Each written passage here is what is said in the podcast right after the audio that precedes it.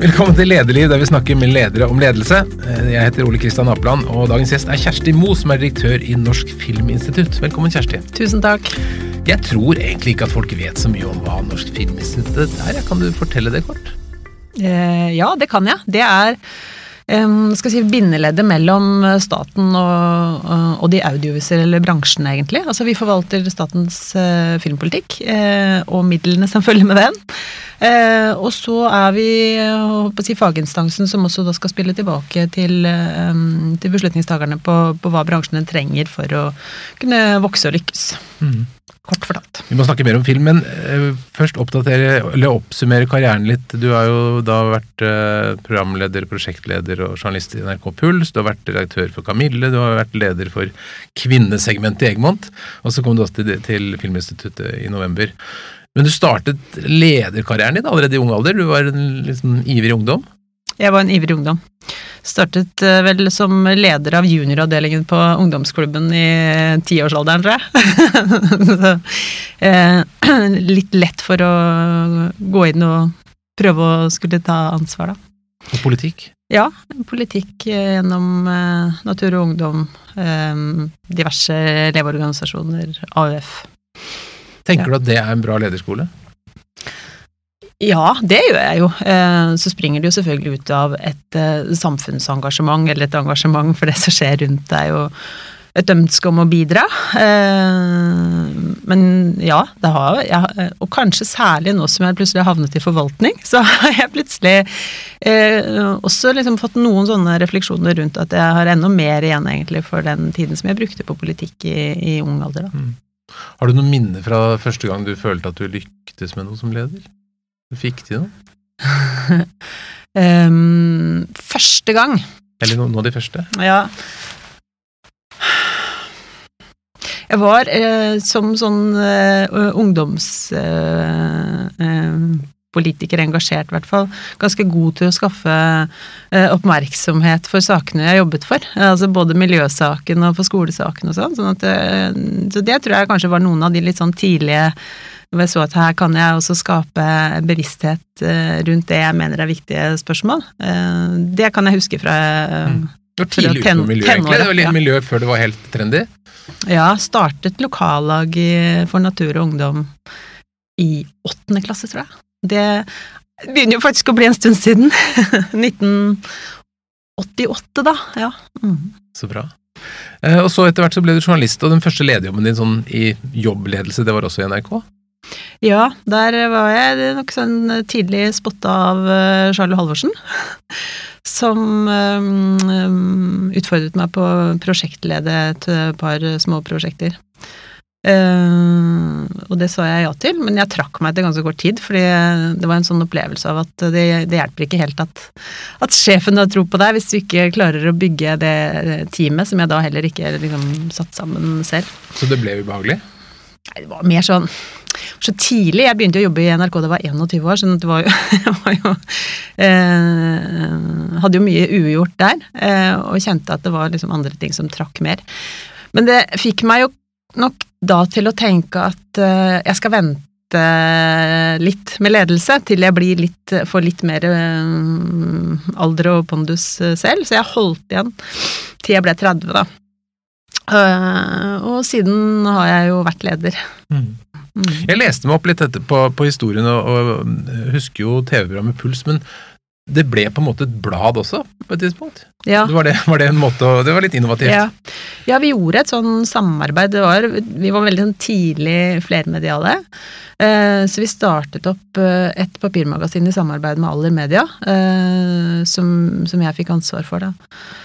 Eh, og da prøvde vi å oversette holdt på å si, Pulsuniverset til et papirmagasin. Og så gjorde vi også en digital satsing i eh, holdt å si sam, samme tidsperiode. Mm. Ganske innovativt. Det er ikke så mange TV-programmer som har blitt blad. Nei, eh, og si, når du ser hvordan magasinmarkedet har utviklet seg, så var det ganske mm, respektable eh, tall vi klarte å få på det i løpet av ganske kort tid, så vi holdt vel på i eh, tre-fire år. Um, hvor jeg da første året var både redaktør og programleder, og etter hvert så var jeg redaktør for begge deler, da. Så det var lærerikt, det, altså. Men det er jo det der med å være litt sånn først. Eh, så skal du eh, Du skal gjøre en del feil, og du skal evaluere og du skal justere, for du har ikke egentlig noen å se til, da. Så det var veldig, veldig lærerikt. Hva føler du er de viktigste erfaringene fra den tiden? Eh, det var ganske store kulturforskjeller mellom Aller Media og NRK. Og det å skulle lede et egentlig lite og smidig team i én bedrift og være en del av et veldig stort system, som NRK er, en mastodont, ikke sant, det er ikke så lett å kombinere de to. Uh, og I tillegg til at det var da to jobber jeg hadde, som jeg hadde samtidig. uh, som jo egentlig i seg selv normalt sett ville vært to fulle stillinger. Men det å, å si, prøve å, å trekke det, det, beste ut av hver av dem, det var veldig lærerikt. Å se liksom hvordan du kan uh, Og jeg oppdaget jo da si, mitt kommersielle gen i det møtet med alle media, og det har jeg hatt veldig mye igjen for, men det var også noe med å se Si, hvordan kan du prøve å få den der smidigheten også inn i et eh, stort system, da. Som jo på mange måter kan gi seg utslag som en utålmodighet. Men også store systemer trenger utålmodighet for å bevege seg. Så det var kanskje den viktigste. Og så gikk du videre til Egmont, og hva var eh, oppgaven din der? Eh, jeg begynte der som redaktør for Kamille. Og så ble du sjef for alle damene? Eh, ja, i Eggman så hadde jeg en uh, veldig sånn uh, fin utvikling. For det er for hver gang jeg fikk et barn, som jeg gjorde tre ganger mens jeg jobbet der, så fikk jeg utvidet, ansvarsområdet mens ja. jeg var i permisjon. Så bra. Ja, Så det var egentlig egentlig veldig sånn god likestillingshistorie på at man ikke blir parkert som, som barneprodusent, ja, for å si sånn. Ja, det er hyggelig. Ja. Men der, så det, først så fikk jeg ansvar for alle produktene rettet mot unge kvinner, og så fikk jeg i tillegg det som var eh, mot eh, foreldre og på interiørsegmentet, og så etter hvert så fikk jeg da hele kvinnesegmentet, og så eh, etter det igjen så, så var jeg ansvarlig for jeg, det som var mer oppbyggingen av, av nye produkter sånn knytta mot influensermarketing og den type ting. Og alt dette skjedde parallelt mens dette markedet egentlig raknet litt, gjorde det ikke det? Jo, det var jo kanskje litt av poenget, holdt jeg på å si. At eh, det å, det å skape nye forretningsmodeller når de gamle begynner å svikte, er jo kjempeviktig. Men, eh, så det var i parallell, ja. Så du ble nødt til å gjøre en del forandringer? Eh, ja, vi gjorde jo det. Fortell litt hva dere gjorde.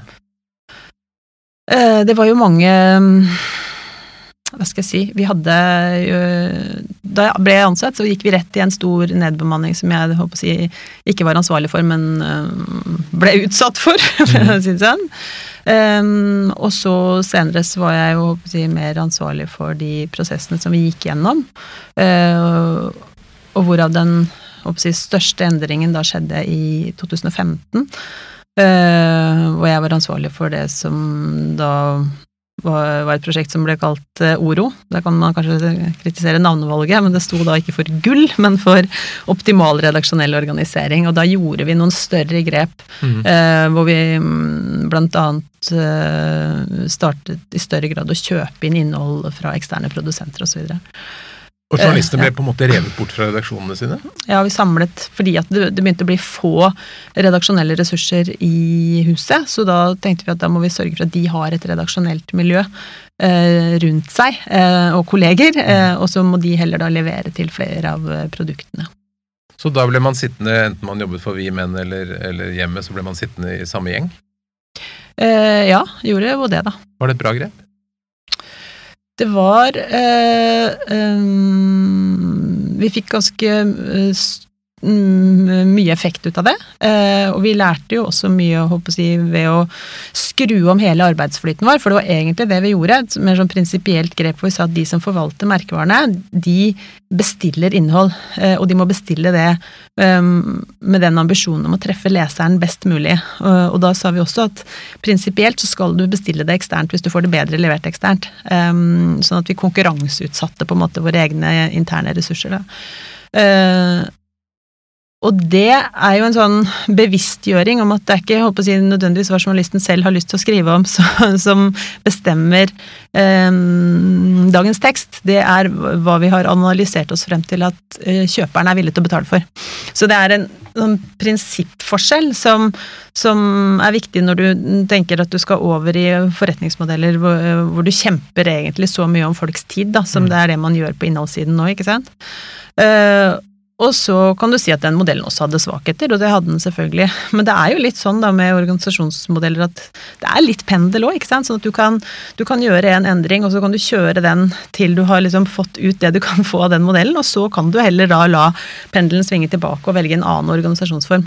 Og hvordan de er organisert nå, det vet jeg mm. faktisk ikke. Men NRK har noe det samme, har det ikke det? Med kringkaster som bestiller, og så ulike redaksjoner som leverer og sånn? Ja, de har jo en, kanskje litt mer en hybridmodell, for de har jo både en ekstern innkjøpsavdeling og med programavdelinger eh, fortsatt. Men det er jo si, det der nye om at det er faktisk kunden som er sjefen også, eh, som forbruker av innhold. Det, det har jo truffet eh, mediebransjen eh, hardt. Og hvordan ble reaksjonen da dere presenterte denne ideen internt? Det ble vel kanskje ikke stormende jubel på Egmont når dere sa at nå skal alle konkurrere med eksterne og sitte i en pool? Nei, det var jo kanskje ikke stormende jubel, men jeg er veldig, fortsatt er veldig sånn stolt av hvordan vi la opp den prosessen. For vi, øh, vi involverte veldig bredt, øh, og øh, sørget for at si, det som var den virkeligheten vi sto overfor. Da. Altså, vi var nødt til å spare ganske mye penger, og vi var nødt til å klare å, å kundeorientere oss i større grad enn før. Så vi kjørte en sånn prosess hvor vi hadde masse workshops, og hvor alle ble hørt, eh, egentlig, opplever jeg. Sånn at da øh, Så selv om kanskje ikke alle var helt enig i konklusjonene, øh, så var det i hvert fall en slags forståelse for at det var nødvendig å gjøre grep, øh, og at hensikten var å sikre god drift framover. Ikke sant? Sånn at i stedet Sånn som du fort får Det var jo ganske mye sånn skriverier om eh, slakting av journalister og sånn, men det vi prøvde å gjøre, var jo å sikre arbeidsplassene til resten.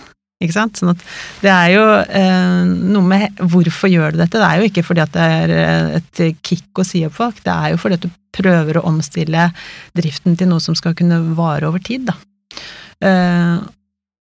og sånn, håper jeg, ansiktet på dette her, så opplevde jeg at jeg, jeg ble ganske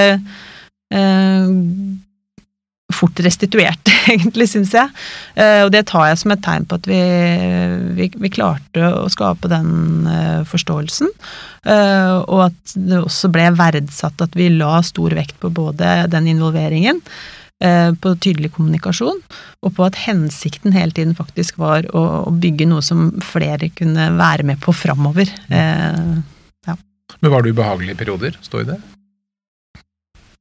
Ja, selvfølgelig var det det. Uh, og kanskje særlig det med å bli tillagt hensikter uh, som oppleves uh, urimelig. Men samtidig så er det, tenker jeg, og det gjelder i mange sammenhenger som leder, at det er aldri synd på meg. det er ikke det. det er, jeg har tatt på meg et ansvar og en jobb, og jeg skal gjøre den så godt jeg kan. Og det vil alltid være noen som er hardere eh, mye hardere truffet enn en at det kan være vanskelig å utføre den eh, jobben. Da. Men, jeg, men jeg er veldig sånn nøye på det, at det er ikke synd på meg.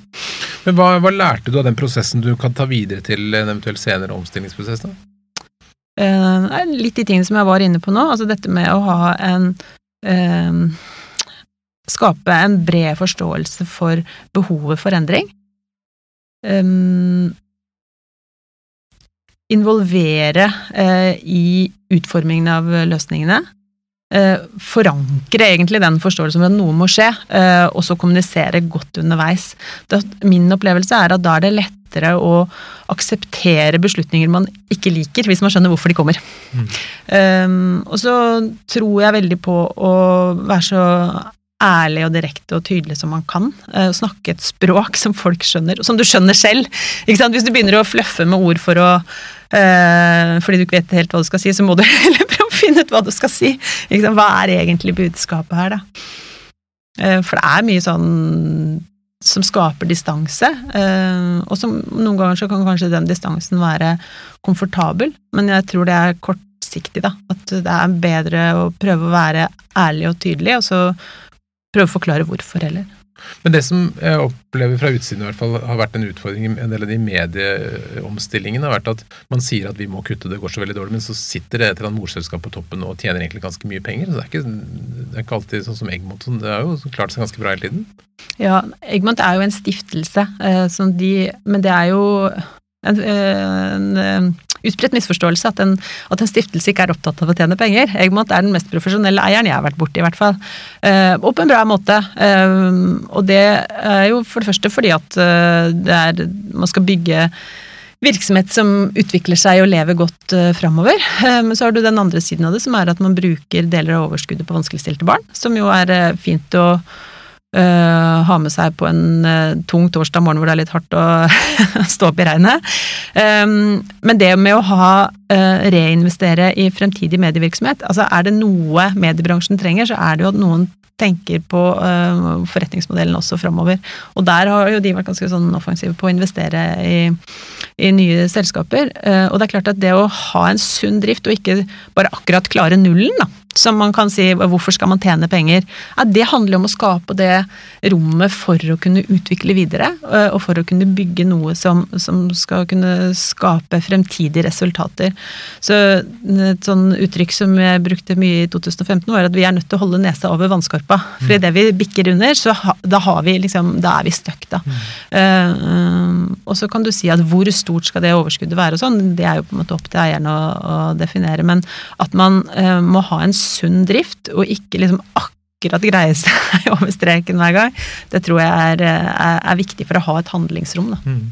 Men det som de journalistene opplevde, det å skulle konkurrere liksom mot et eksternt frilansmarked i, i, Det er jo ganske krevende. Det er ikke så mange som blir satt i en sånn situasjon. Klarte de seg? Klarte de, var, de, var de konkurransedyktige? Jeg tror eh, Mange opplevde nok at det også var litt sånn stimulerende. Mm. Og skulle da plutselig levere innenfor andre formater og med si, en annen type bestiller Eller en annen type redaksjonssjef, da, som mm. det normalt sett er. Eh, som hva skulle lage denne gangen? Og så, okay, så skal du levere noe helt annet, og du blir satt for nye utfordringer men innenfor det systemet. Eh, og noen responderte eh, veldig godt på det. Um, andre syntes det var vanskelig. Um, og så uh, er det jo håper jeg, det prinsipielle i det. Altså skal man ikke preferere sine egne ansatte, som kan være vanskelig å svelge, men, men det er jo egentlig alltid sånn at vi må være like gode eh, på jobben som de som kan levere den tjenesten fra, fra, utsiden. Det gjelder hos alle sammen. Så det der å holde seg på tærne og liksom være eh, opptatt av å være oppdatert, skaffe seg eh, ny input, eh, hvordan gjør de det der, det tenker jeg egentlig er en sånn mindset som alle, alle burde ha, da. Mm. og så ble det også, hvis vi legger da Egmont bak oss, så kom du til eh, Og Da sa, sa kultur- og likestillingsminister Trine Skei Grande, som da var før jul, sa at nå er man avhengig av en god og aktiv direktør, noe hun følte seg sikker på at hun skulle få i deg. Det er ganske hyggelig å få av en statsråd. Ja, det er hyggelig, det. Ja. Hva slags direktør tenkte du at du ville være da du møtte opp på jobben i november? Eh, nå var det nok en stor overraskelse også for meg at jeg havnet i offentlig forvaltning. Eh, men jeg har jo håper jeg, med meg dette ønsket om å bidra til det jeg mener er viktig i samfunnet. Uh, og så følte jeg nok at jeg på et eller annet vis hadde klart å samle opp en del erfaring som uh, vi kan ha god bruk for uh, inn, i, inn, i, Filminstituttet. og noe av det som de sa da, da de ansatte meg, var at de var opptatt av at jeg skulle være proaktiv. og det eh, tenker jeg det er liksom en forutsetning for at jeg skal kunne bidra, er at jeg eh, kan bruke det jeg har med meg inn, da. For jeg er jo en, eh, kanskje litt sånn overraskende type inn der, men jeg ble tatt utrolig godt imot. Og de, de, de tar imot, holdt på å si, all utålmodigheten min eh, internt i instituttet, men også fra Kulturdepartementets side, da. Mm. Um, så det er jo uh, med et ganske sånn fritt mandat på å, å, definere hva jeg mener det trengs, da, for å Men noen gjøre var, den jobben Noen var bra. kritiske da du begynte, sa at du hadde ikke bransjeerfaring. hva tenker du om det? Men sånn, sånn er det jo. Jeg har brukt masse tid på å snakke med Eh, både de som var eh, kritiske, eh, på ansatte, på egentlig Startet opp med å avholde innsp eh, Hadde ti innspillsmøter siste, uka, siste to ukene før jul. Eh, for å høre ikke sant? hva er det vi kan bli bedre på, hva ville du gjort hvis du, var meg, eh, hvordan skal vi sørge for at vi klarer å samle filmfeltet og skape en større kraft rundt det. Eh, sånn at eh, For det første så opplever jeg at de som En ting var jo de som var ute og snakka i avisen da, men det var sikkert mange som snakka andre steder òg. Men jeg eh, opplever at vi nå har en, en, tone hvor de heller ringer meg hvis de mener at jeg Hvis det er noe jeg ikke skjønner, eller hvis det er noe de syns jeg burde legge mer vekt på. Sånn at den dialogen heller går også imellom. Og jeg snakker veldig mye med både bransjeorganisasjoner, regioner og aktører. Sånn at Og så er jeg jo alle føler jo at sin bransje er veldig spesiell, eh, og det gjør jo håper jeg, film, serier, spill også, men så vanskelig er det jo ikke å lære seg. Eh, så jeg tenker at jeg, jeg har nok skjønt ganske mye av den bransjen til nå, da, i hvert fall. Mm. Dette er altså en virksomhet med oppunder 100 ansatte. Mm. Og deler ut 625 millioner kroner, har det i hvert fall lest, til filmprosjekter, og behandler 2000 søknader. Så dere knekker Dere, dere innfrir og, og, og, knuser en del drømmer, da, årlig. Hvorfor, hvorfor er det så viktig altså hvorfor, hvorfor trenger staten å bruke så mye penger på norsk film? Eh, I utgangspunktet så er jo um, det som håper si, er en viktig del av Filminstituttet, altså Filmfondet, ble opprettet for å kompensere for at Norge er et lite marked. Eh, sånn at hvis vi skal ha norske filmer med norsk språk og fra norsk virkelighet og våre historier, så var det en forutsetning at man måtte gå inn med mer penger enn Ellers ville billettprisene blitt veldig høye, da, mm. sånn, hvis alt skulle være kommersielt. Um, så det har liksom vært uh, utgangspunktet. Og så, uh, over tid, så er det jo nå sånn at, uh, at det globale markedet ble jo, er jo blitt mye viktigere. Språkbarrierene er blitt mindre, fordi at vi har fått strømaktører som har gjort det helt vanlig med teksting, ikke bare i bitte små språk som, som Skandinavia. Eh, sånn at nå eh, gjør vi jo fortsatt det at vi er med på å finansiere opp eh, eh norske produksjoner, men det å bidra til å, å, legge til rette for at de også kan lykkes i større grad eh, og nå ut. Og det er jo håper jeg, viktig for kulturpolitikken, da, på den ene siden at vi skal ha historier som speiler vårt samfunn og, og våre verdier, vårt språk. Eh, Uh, skape historier som folk kjenner seg igjen i, og som på en måte bekrefter vår identitet. Og så var det liksom på den andre siden at vi har kanskje også erfaringer og historier her som for å si det litt stort, som verden godt kan få se. Mm. Eh, hvor vi kan bidra eh, til noe i, i verdenssamfunnet med, jeg, med, våre perspektiver. Eh, men vi har jo en hensikt om å prøve å gjøre bransjene mindre avhengig av oss. Uh, og heller lykkes bedre i markedet med alle de nye finansieringsmulighetene som fins. Mm. Så det er jo kanskje noe av den uh, glidebevegelsen som vi, som vi, jobber med nå. Men så er det klart, så kom korona. Uh, og da forsvinner mange av de andre finansieringsmulighetene. Eller det er i hvert fall en usikkerhet rundt mange av de andre finansiørene. Så da blir staten viktigere igjen, ikke sant, mm. som, som en av de som går inn og finansierer. Du skal stille en diagnose på bransjen. Hvordan står det til med norsk film for tiden? har gått veldig bra de siste årene. Eh, og så var vi jo veldig nervøse her rundt eh, før påske på eh, for da var det mye som stoppet opp, ikke sant. Og vi visste jo heller ikke hvor lenge, hvor lenge er det, og det vet vi jo fortsatt ikke, hvor lenge er, er det restriksjoner på, på opptakssituasjonen? Hvor lenge vil kinoene være stengt? Nå er jo de så vidt begynt å åpne igjen, og folk kommer, så det er veldig bra.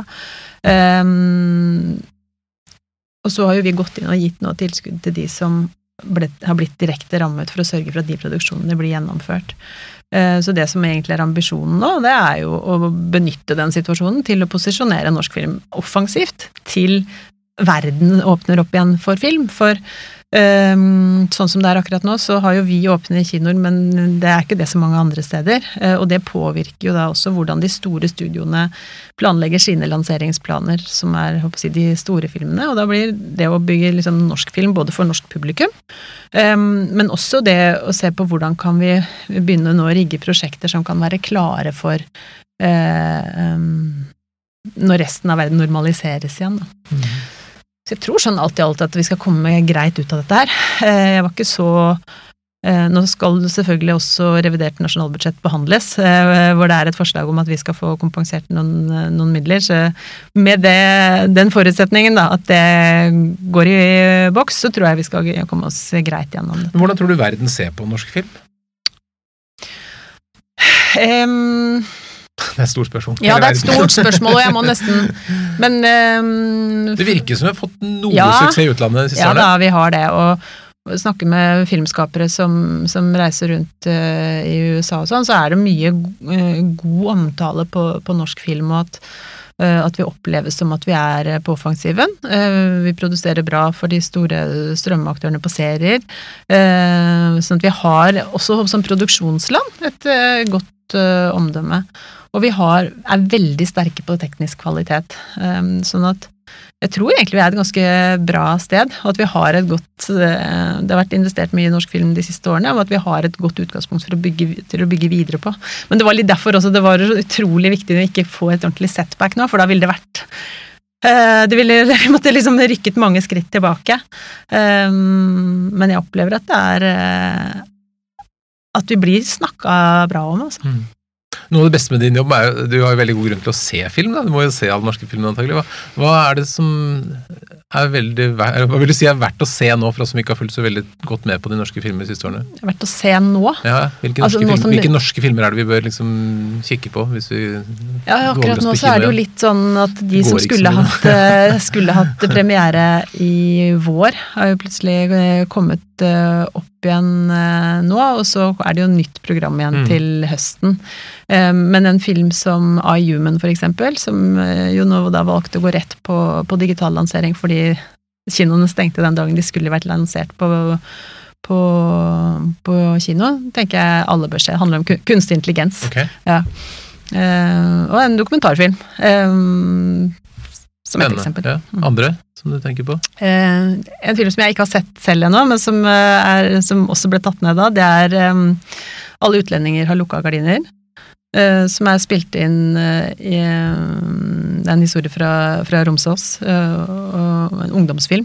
Det er mange som sier at, for Jeg tenkte jeg skulle se den med sønnen min på 11, og det er mange som sier at det må du ikke gjøre, for det er veldig flaut for begge to. men, men, det er også en film jeg har lyst til å se. Men barne- og ungdomsfilm er vel tradisjonelt det vi har lykkes godt på Norge? Som har virkelig har trukket folk til kinoene? Barnefilmer og og får ja. av til andre sånne ting? Ja, det har vært Altså, den unge seere har vært veldig viktig for kinoene. Nå er jo det blant de gruppene som håper jeg, hvor seingen går mest ned, og hvor det er viktig å se på ok, hva kan vi gjøre for noe for å håper jeg, revitalisere kinoen som arena også for den uh, målgruppa.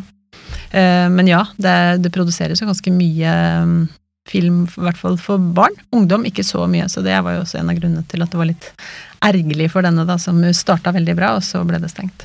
Men dere har også ansvar for spill? Ja. Det må jeg si, jeg vet veldig lite om norsk spillindustri. Si litt om det. Og Der tror jeg egentlig norske medier kan bidra litt mer. Norske spill gjør det ganske bra si, i flere store markeder, bl.a. i USA og Kina og sånn. Men, men, spill, og spill som marked, er jo kjempestort. Ikke sant? Det er mye større enn musikk, eller ikke sant. Og hvis du ser på Finland og Sverige, så er de store på spill. Uh, mye større enn også, mye større enn Danmark også. Uh, som bl.a. henger sammen med at de har en si, større tradisjon for invester privat investering uh, og for teknologiselskaper og miljøer. Så Filminstituttet har jobbet med spill i mange år, men nå i, i høsten 2019 så, så, kom det en egen sp um, spillstrategi. Den forrige eh, kulturministeren var veldig opptatt av spill, så det var jo litt av hennes hjertebarn også.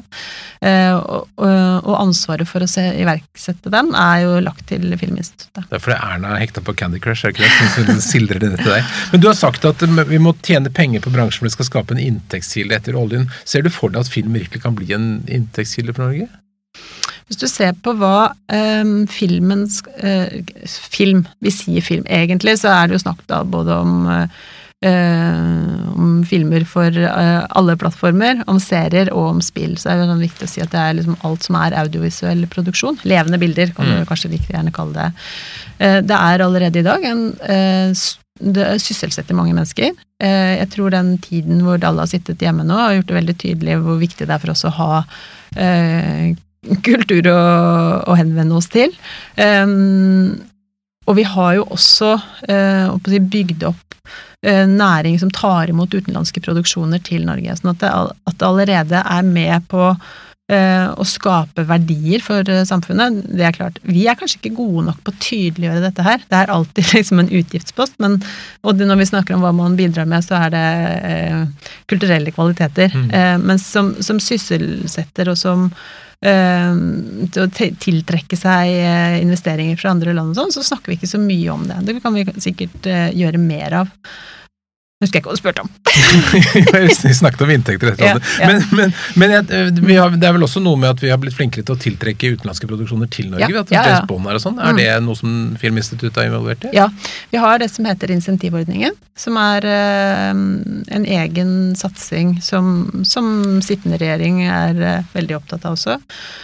Øh, hvor vi refunderer Altså de får momsfritak, da, egentlig. Sånn at de får refundert 25 av av kostnadene sine eh, ved de mm, som si, på det de, det de, bruker i Norge når de spiller inn i Norge. Og det må vi jo glede oss til å se Rensmoen i Norge. Det må jo bli stas. Men eh, når man da tar deg inn som leder eh, på dette stedet, og du kommer fra omstillingsprosjekter og sånn, Egmont, det ligger jo kanskje litt i kortene at noe skal forandres. Hva tenker du skal forandres i Filminstituttet? Um, jeg begynte jo mitt første møte med de ansatte i NFI, så sa jeg nå vet jeg at dere har googlet meg, og dere kan ikke tenke det verste, for det er jo lett å lese det. Eh, men det er jo ikke sånn at, eh, at det er oppdraget, er å krympe instituttet. Jeg opplever at oppdraget er å sørge for at vi kommer i posisjon til å bruke fellesskapets penger på en mest mulig effektiv måte. Øh, og nå øh, har vi satt i gang og har gjort en øh, Vi står midt i en strategiprosess. Og det er jo akkurat det derre Hvilken rolle skal vi spille, da, når vi ser det audiovisuelle markedet utvikle seg sånn som det gjør? Hvordan skal vi gå inn? Hva er liksom den potente rollen vi har der?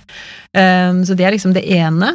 Eh, det andre er eh, den, det potensialet som jeg ser i, si, i innsiktsarbeid, eh, hvor det å være mye tettere på bruker, og da ikke sånn at og nå skal forbrukerne selv bestemme hva de skal se på filmen, men at må jobbe, vi, må, vi, må, sørge for at vi treffer i større grad, da. Um, og så tror jeg, jeg håper jeg, det der å, å sørge for at vi at vi Jeg har brukt det som et bilde at vi skal gå fra å være noe som samfunnet har råd til å pynte seg med når det går bra, til noe vi aldri kommer til å ha råd til å slutte å drive med. Mm. Uh, så det er liksom det store bildet jeg, uh, som egentlig spiller tilbake på det vi snakket litt om i stad. Synliggjøre hva er det egentlig vi bidrar med til samfunnet. Hva får vi for de pengene som, som vi investerer gjennom Filminstituttets arbeid. Da. Så det tenker jeg er sånn oppsummert det jeg uh, håper å ha liksom levert på det når jeg er ferdig om fem og et halvt år, da. Ja, for dette er et engasjement? Dette er et åremål. åremål ja. mm. Hva syns du om det? Ja, Det eh, syns jeg er veldig bra og riktig, og jeg merker at min inngang på det er som et stort prosjekt. Eh, hvordan kan jeg gjøre mest og best mulig ut av denne oppgaven? Da. Blir man mer fokusert når man har en sånn klar deadline? Eh, klar deadline som er seks år unna. Den er jo, den er jo, det er jo deadline. men, eh, men, jeg merker nok at, at, eh, at, det er liksom en definert periode, og så må man jo ikke sitte i seks år heller, da, men uh, jeg merker nok at jeg for min egen del definerer det som et øh, sånn uh, prosjekt jeg skal levere på, ja. Mm. mm. Hvordan ønsker du at de ansatte skal oppleve deg i den perioden? ja, hvordan ønsker jeg at de skal oppleve meg? jeg prøver å være så mest mulig sånn som jeg er, da. og det er at jeg vil at de skal oppleve at jeg er tydelig. Eh, jeg vil at jeg, skal oppleve at jeg er blid, eh, og at, at, jeg klarer å skape eh, fremdrift og endring. Og at jeg er i dialog løpende med dem. Jeg mm. ønsker ikke å være fjern, jeg ønsker ikke å være hemmelig. Jeg ønsker å liksom, skape en felles opplevelse av, av, hva vi skal gjøre sammen. Da. Mm. Det er veldig tullete å tro at jeg kan komme inn og, og, og, gjøre noe av dette selv. Jeg er mm. nødt til å gjøre det sammen med dem. Det virker på en måte veldig sånn enkelt, bare være blid og tilgjengelig. Men hva, hva opplever du som utfordrende og vanskelig i en sånn rolle? Jeg tror det å øh, å være visjonær, da, og prøve å formule Det er litt som å skyte på levende, løpende villsvin, ikke sant. Altså hvor er det vi egentlig skal hen? Hvordan utvikler dette seg? Sånn at det stiller noen krav til at vi må være øh, omstillingsdyktige. vi må øh, følge godt med på det som skjer ute. Vi må være mye mer orientert utover. Mye mer enn bare innover. Um, um, og så må vi være uh, Hva skal jeg si for noe? Um, innstilte på å uh, endre mening. Ikke sant? At uh, hvis du ser at behovet er uh, endring, så må du liksom agere på det. Mm. Um, man bruker jo ofte et ord som agil, men smidig, da. Mm. Um, og det tror jeg jo er Det brukes jo ofte som en sånn motsats mot en byråkratisk organisasjon, en smidig organisasjon. sånn at det er klart at det, det å liksom øke Eh, smidigheten, det tenker jeg jo kanskje er det aller viktigste, og kanskje også det, det, vanskeligste. Og det er ikke sånn at jeg vil at de skal oppleve at jeg blir og at jeg får til ting, men eh, jeg har jo en ganske klar visjon om hva jeg, jeg vil for noe. Um, og det eh, jeg håper at jeg ikke kommer til å forandre på da, gjennom de, de seks årene, sånn at vi sammen kan liksom jobbe oss i en, i en retning. Mm. Opplever du at det er stor forskjell på å jobbe i en statlig virksomhet enn privat? I forhold til å gjøre de endringene? Ja, ja, det opplever jeg. Ganske stor forskjell. Ikke på den måten at uh, man ikke um, er åpen for endring, men at uh, at det å være ansatt i staten er liksom Det er en annen kultur. Uh, ligner litt mer på NRK. og jeg husker at da jeg slutta i NRK, så var det var jo et veldig sånn aktivt valg at jeg, jeg ville jobbe i privat, da. Um, og så begynte jeg Egmont, eller det som da var hjemme Mortensen. og så tenkte jeg det var litt statlig dette òg. For det var altså litt sånn eh, tungt om, og, og, omstendelig. Og så jobbet vi jo ganske mye med å liksom få opp farta der. Og det er litt det jeg tenker at jeg også prøver å gjøre nå. Prøve å få liksom litt høyere eh, om eh, endringstakt, da. Mm. Eh, men jeg tror hele samfunnet eh, trenger det, fordi at eh, vi som som forbrukere forventer det også. Og sånn som i Filminstituttet så jobber vi jo med bransjer som er gjennom massive endringer. Da blir det veldig rart hvis forvaltningsorganet er helt eh, statisk. Mm. Sånn at det der å, å si, få opp liksom få løsna leddene litt, da. Det mm. tror jeg er viktig. Samtidig som det å ha solid forvaltning, eh, være transparente og, og følge um, eh, forskriftene som vi forvalter, selvfølgelig er kjempeviktig. Mm. Så det skal liksom balansere ut det, da. Hvis det kommer en ung person til deg, kanskje et av barna dine, sier mm. jeg vil bli leder, jeg vil bli en god leder, sånn som deg. Mm. Hva er de tre viktigste rådene vi gir? Vent til du er trygg på deg sjøl. Jeg tror liksom det å øh, tåle at ikke alle liker det, alt du gjør, øh, at du kan leve med, med deg sjøl, øh, er kjempeviktig. Det var litt den mm. erfaringen som jeg også gjorde da jeg hoppa på, på forespørsel litt, det jeg opplevde sjøl litt tidlig. og så tror jeg at det å det går, går, litt Ja, det går litt på det samme, da, men eh, jeg har sett noen som har gått fra å være konsulenter over til å være linjeledere. Um, og du blir jo aldri ferdig, ikke sant, sånn at det å tåle at eh, mailboksen blir aldri tom. Eh, det er alltid noen som syns at du er for treig med å svare på ting, eh, som ikke syns du prioriterer akkurat deres område. Eh, så du må liksom klare å sove om natta likevel. Det, det, det ser, mm. For ellers så går du i veggen. Og det, jeg har sett flere som har gjort akkurat det.